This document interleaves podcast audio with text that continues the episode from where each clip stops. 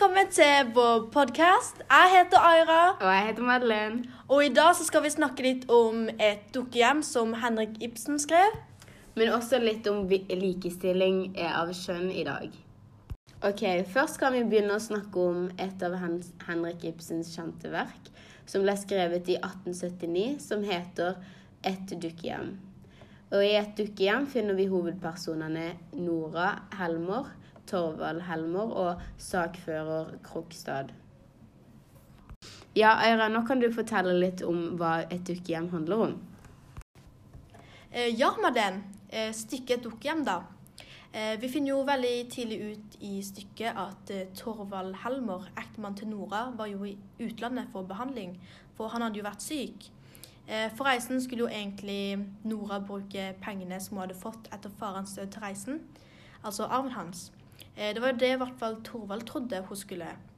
Men istedenfor så hadde jo Nora tatt et hemmelig lån hos en som jobber i banken Torvald er sjef i, altså sakfører Krokstad. Eh, ja, etter at begge to hadde kommet hjem fra reisen, da, så ville jo Torvald sparke Krokstad for en grunn. Eh, og av dette så truet jo Krokstad Nora om det hemmelige lånet, så hun måtte jo prøve å overtale Torvald å ikke gjøre det, da. Som man kan også se i stykket, var det jo en skam på den tida for kvinner å ta lån fra banken, og kvinner skulle helst være hjemme og rydde, vaske huset og passe på barna. De skulle jo heller ikke jobbe, men være hjemme, for det var mannens oppgave å være ute og jobbe. Og selv i dag så er det forskjeller mellom menn og kvinner rundt om i hele verden, men også til og med i Norge. Ja, vi kan jo snakke litt om eh, forskjeller mellom eh, kjønn i dag.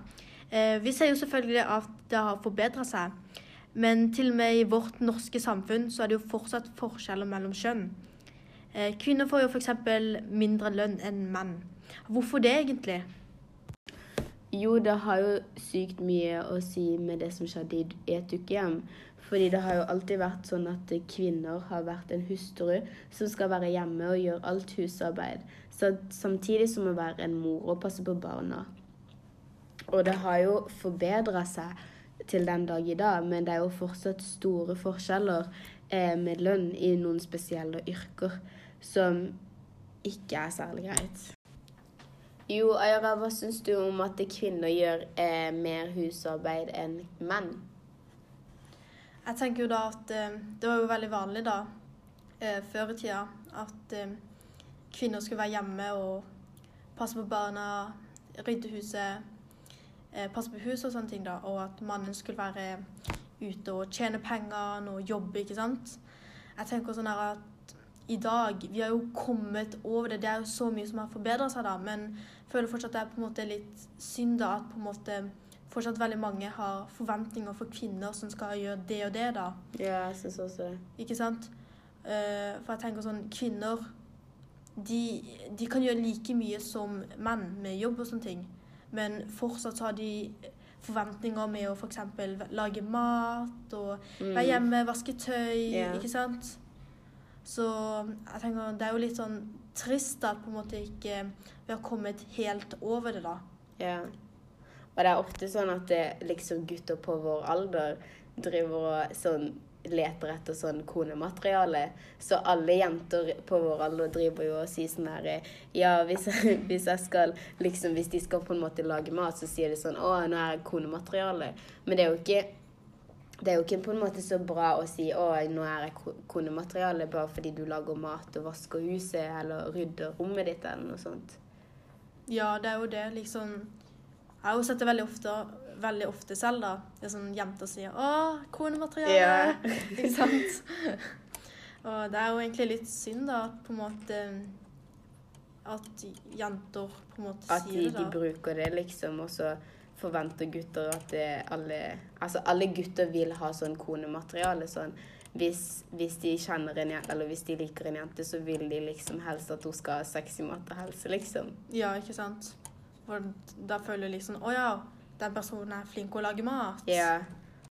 Eh, hva syns du da, Madeleine, om at eh, jenter som blir gravide, gravide tidlig, da, eh, som føder tidlig, da, eh, på en måte brem, blir bremset med de sin karriere, da? Jeg syns eh, Altså, mange syns jo synd på de jentene som eh, blir gravide i en veldig tidlig alder. Men det er jo sånn at det, det er jo bare fordi det er normalt i denne generasjonen for å liksom ha samleie veldig tidlig alder, så betyr jo ikke det at man skal ikke tenke på konsekvensene til det. Og derfor syns jeg at eh, det, er, det er greit å beholde et barn, men da må man liksom selv ha, ta ansvar for det du har liksom bestemt deg for. Fordi det er mange på YouTube som liksom lager videoer der de sier sånn herre Og jeg ble gravid når jeg var 13 år gammel, ikke sant?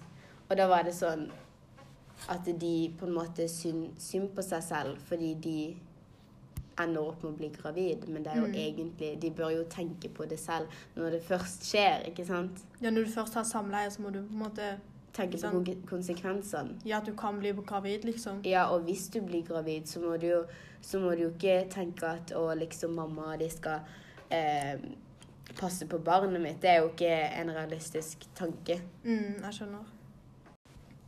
Ja, det er jo det. Men liksom, hva tenker du da at eh, når ei jente da blir gravid veldig tidlig, da, hvor, hva Mm. tenker du på gutten som på en måte tar veldig lite ansvar, eller bare forlater jenta, da? Ja, jeg syns det er ganske sånn Først og fremst så må jo jenta ta eh, ansvar for konsekvensene hun har fått.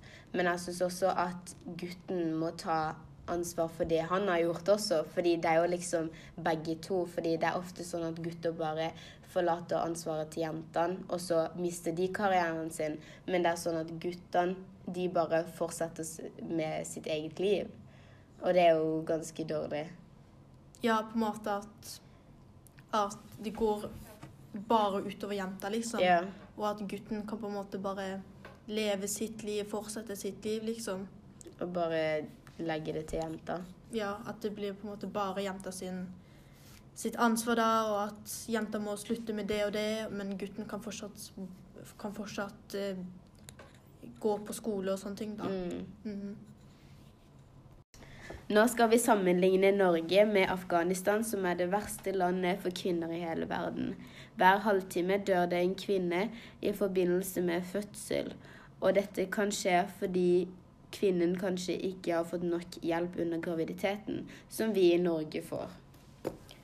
Ja, det er jo stor forskjell da, mellom eh, Norge og Afghanistan, da. Men det der med at det er så mange i Afghanistan da, som dør pga. Eh, graviditeten da, og sånne ting.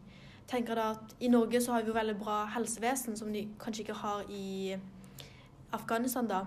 Eh, hvis en er gravid her, så får de jo De må jo besøke liksom så og så mange ganger legen for å sjekke liksom, med ultralyd og sånn blodtrykk.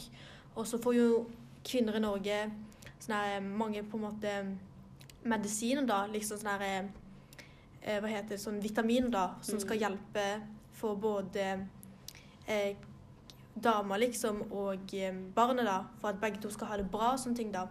Tenker da at kanskje de ikke har det i Afghanistan, Afghanistan da, siden det er så mange som dør, da. I 2019 ble det bestemt at kvinner må få tillatelse fra sine ektemenn for å kunne jobbe eller få en utdannelse i Afghanistan. Hva syns du om dette, Aira? Ehm, ja, hva synes du om det? Um, det er vel feil, da. Ja? Hvorfor får ikke kvinner bestemme selv? Nei. Hvorfor, hvorfor må en annen bestemme hva en person kan gjøre og ikke gjøre? Mm. Når det, det er tydelig Det er jo ikke Det er jo ikke hans sitt liv. Det er jo ikke hans sin framtid. Ja. Det er jo, det er jo kvinnen sin framtid. ja, det er jeg enig i. Ja, hvorfor skal ikke hun få bestemme selv, liksom? Det er feil. Det. Ja. Og så når vi sammenligner med det med Norge, så er det jo fortsatt forskjeller i Norge mellom sånn kjønn. Men det er jo på et annet nivå. Det er liksom sånn Hvis vi sammenligner oss med Afghanistan, så har vi jo det sykt mye bedre. Ja, ikke sant? Vi har jo det. Ja. Ja, da har vi jo snakket om veldig mye, da. Vi har jo snakket om både likestilling og et dukkehjem. Men jeg tenker at vi burde avslutte nå, Madeleine. ja. Tusen takk for at dere hørte på vår lille podkast om likestilling. Ha det! Ha det!